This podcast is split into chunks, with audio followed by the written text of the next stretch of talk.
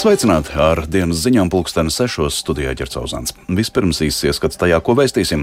Augstākā tiesa pērn izskatījusi vairāk lietu nekā saņēmusi. Senatori norāda uz vājiem kasācijas pieteikumiem. Saskaņa zaudē pārstāvniecību Latvijas otrajā lielākajā pilsētā, Daugopilī vara joprojām stabila. Eiropā krasi pieauga migrantu skaits. Par šiem tematiem turpinājumā plašāk.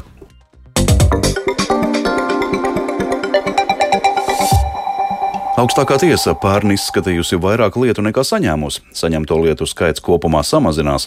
Senatori norāda, ka saņem vājas kasācijas sūdzības un kasācijas protestus no prokuroriem.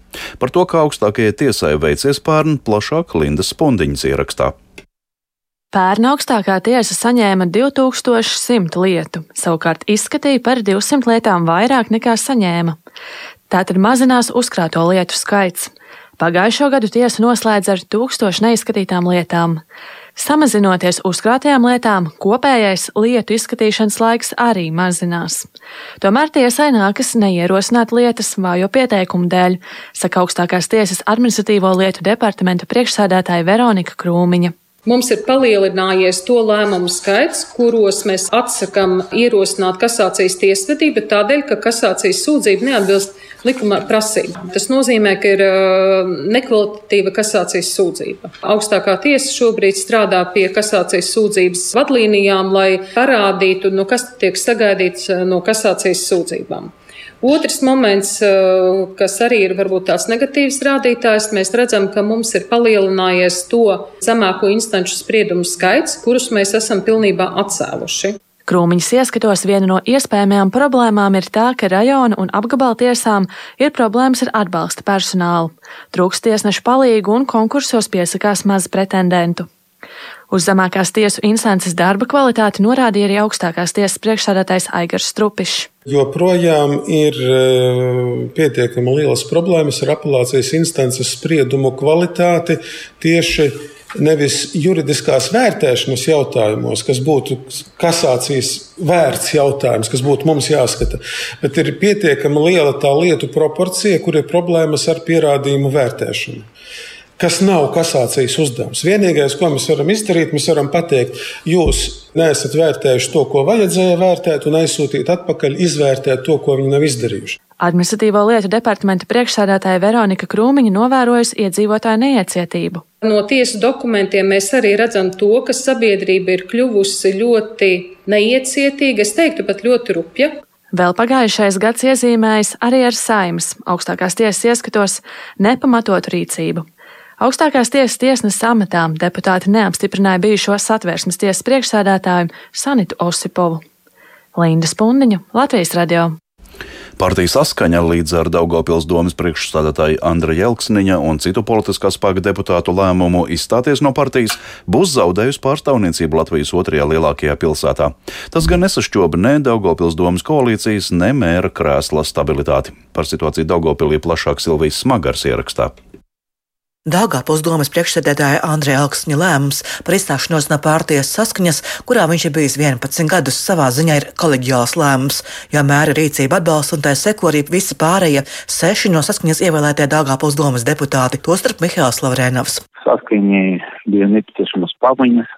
Šobrīd mēs eh, domājam par reģionālas partijas izveidošanu.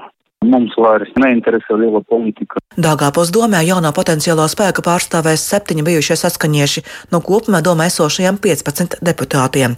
Drošu atbalstu un stabilitāti astotajā zelta balsi Andriem Elksņa mēra krēslā nodrošina koalīcijas partneris no Latvijas Krievas Savienības Aleksijas Vasiljevs, kurš Dāngāpos domē ir priekšsēdētāja pirmā vietnieka amatā. Mēs ļoti produktīvi, labi strādājam kopā. Mēs aprunājam visus procesus, mēs sasniedzam kādus, nu, tādas vienošanas. Man godīgi teikt, nu, tas ir Andrija izvēle, kurā partija viņš pārstāv vai ko, bet man interesē, kā cilvēks rīkojas pret pilsētu. Pagaidām nekādas runas par to nebija, lai samainītu meru vai ko. Es atkārtošos, ka es strādāju ar cilvēku, ne ar nevis ar politisko partiju. Arī domas opozīcija nesaskata pazīmes varas maiņai un mēra krēsla stabilitātei Dāngāpulī. Situācija raksturo Jānis Lārspēcis no Latgales partijas un partijas Latvijas attīstībai. Tas, ka šodienas saskaņas ieņemtā pozīcija politiskā ir nepieņemama daudziem krievalodīgiem vēlētājiem un politiķiem, ir skaidrs. Nu, Daugavpils deputāti ir nodemonstrējuši savu attieksmi ne jau pirmo reizi.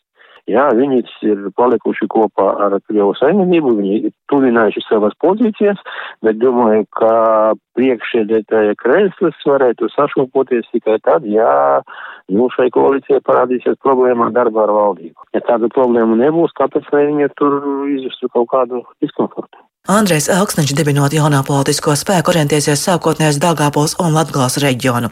Starts jaunajām spēkām tiks dots gaidāmajās pašvaldību vēlēšanās, kas notiks 2025. gadā. Silvija Smagra Latvijas radio studijā Latgalē. Ar likuma grozījumiem saimā jau tuvāko nedēļu laikā plāno atbloķēt apturēto Rīgas attīstības plānu.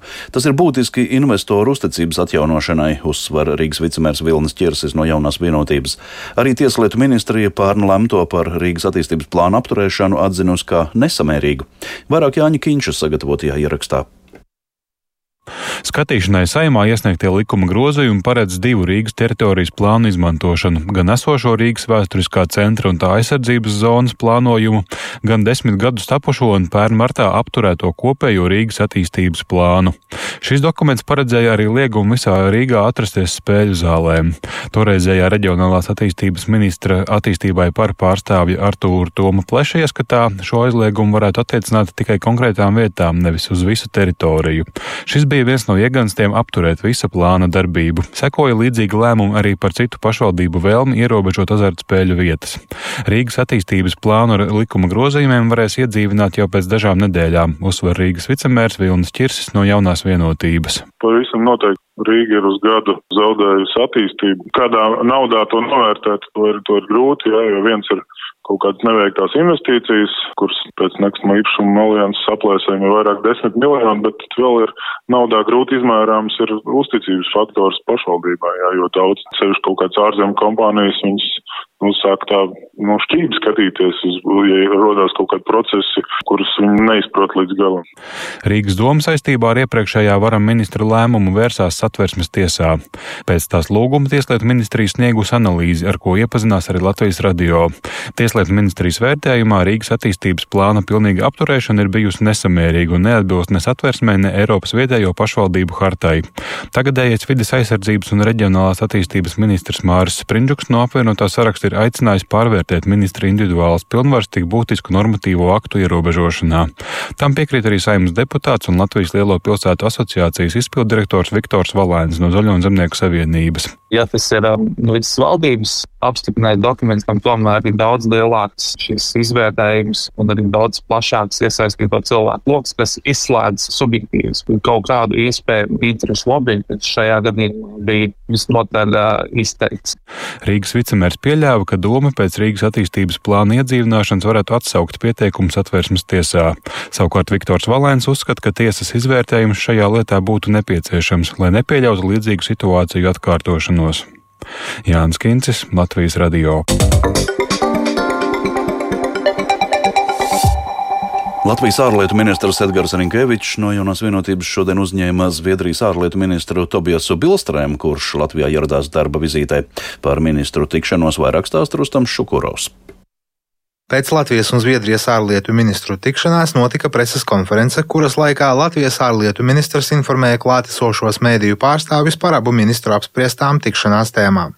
Rinkēvičs atzīmēja to, ka ministru tikšanās laikā tika apspriesti Zviedrijas Eiropas Savienības prezidentūras prioritāšu jautājumi, ņemot vērā jauno ģeopolitisko situāciju. Latvijas ārlietu ministrs arī uzsvēris to, ka tika apspriesti jautājumi par turpmāko sankciju piemērošanu Krievijai, starptautiskā tribunāla izveidi, Krievijas agresijas pret Ukrainu noziegumu izmeklēšanai un iztiesāšanai, kā arī par finansiālo atbalsta nodrošināšanu Ukrainai. Pēc Rinkēviča teiktā jautājumi par Zviedrijas dalību NATO neizpalika bez apspriešanas. Latvijas ārlietu ministrs kārtējo reizi paudis stingrus atbalsta vārdus Zviedrijas pilntiesīgai juridiskai un faktiskai dalībai aliansē, saucot to par būtisku Baltijas reģiona valstu drošībai. Savukārt Bilstrēms uzsvēris Latvijas un Zviedrijas divpusējo attiecību svarīgumu, Zviedrijas ārlietu ministrs atzīmēja to, ka abām valstīm jābūt vienotām, lai novērstu draudus Eiropas drošībai. Savukārt, komentējot neseno protesta akciju Stokholmā pretī Turcijas vēstniecībai, kuras laikā tika dedzināts Korāns, Bilstrēms uzsvēris to, ka neredz vajadzību spekulēt par iespējamo trešo valstu iesaisti šajā provokācijā.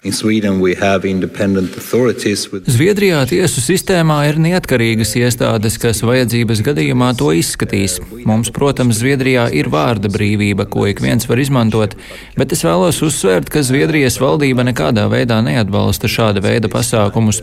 Svēto rakstu dedzināšana man personīgi kā ārlietu ministram ir sveša.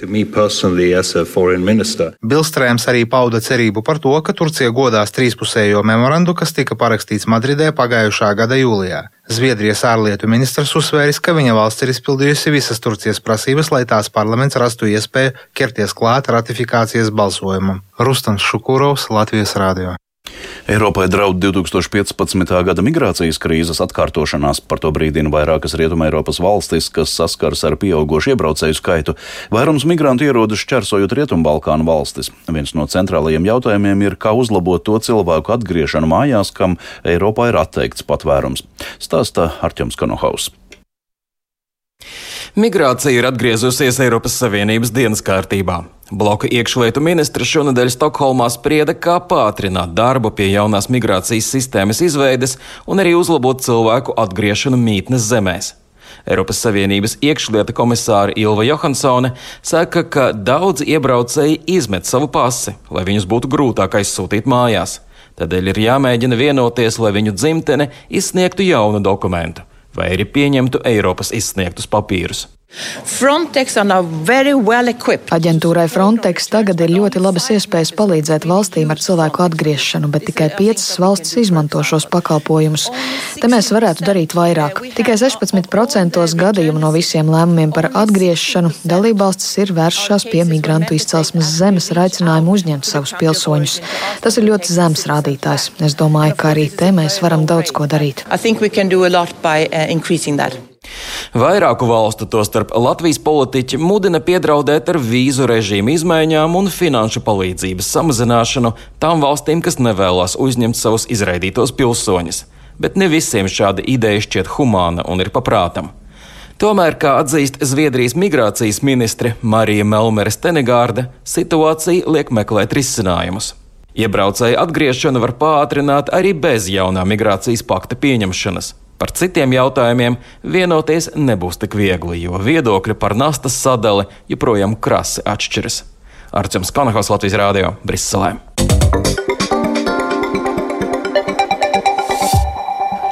Siltas pusdienas reize dienā jānodrošina visiem bērniem visās Latvijas skolās, neatkarīgi no ģimenes sociālā statusa un maka biezuma. Ar šādu aicinājumu klajā nākusī Latvijas daudzbērnu ģimeņa apvienība. Pašlaik par valsts naudu skolās var paēst 1 līdz 4 klašu audzēkņi, pārējo skolēnu iedināšana ir katras pašvaldības ziņā.